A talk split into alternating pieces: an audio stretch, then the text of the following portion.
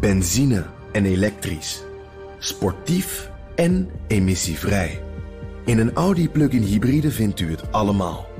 Ervaar de A6, Q5, Q7 en Q8 standaard met quattro vierwielaandrijving. Wat u ook zoekt, u vindt het in een Audi. Audi. Voorsprong door techniek. De column van Bernard Hammelburg. Hier zijn een paar beelden. Een dood jongetje op het strand. Een bloot vluchtend meisje. Vernederde en gemartelde naakte soldaten. Een man in een wit overhemd voer oprukkende tanks. Bergen opgestapelde schedels. Een onthoofde journalist. Iedereen kent ze als symbool van gruwelijke conflicten. Ook de nieuwste, een straat bezaaid met lijken. Eén foto zegt meer dan duizend woorden, zeggen ze. Maar hebben foto's, ook al zijn ze nog zo iconisch, invloed op een conflict? Dat dode jongetje werd het symbool voor de Syrische vluchtelingencrisis. En die is er nog steeds. Kijk maar op de Griekse eilanden. Dat blote meisje was in Vietnam in 1972 in een oorlog die nog drie jaar zou duren. De vernedering van die blote mannen was in de Abu Ghraib-gevangenis in Irak en had geen enkele invloed op de oorlog die daarna nog 14 jaar zou duren. Tankman met zijn witte overhemd op Tiananmen kon de meedogenloze jacht op de Chinese democratiseringsbeweging niet voorkomen.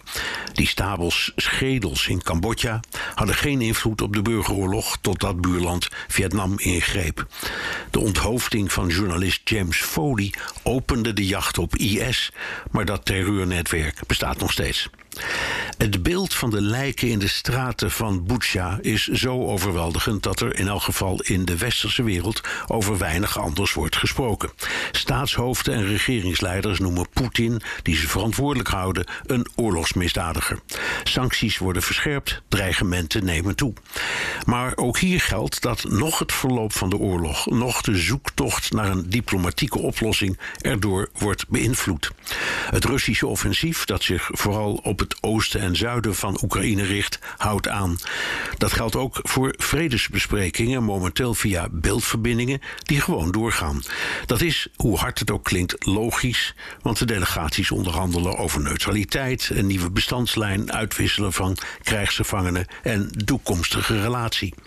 Terwijl het drama van Butsja zich letterlijk voor onze ogen afspeelt en president Zelensky het terecht aangrijpt om aan te dringen op meer steun en meer sancties geven de reacties een goed inzicht in de politieke realiteit.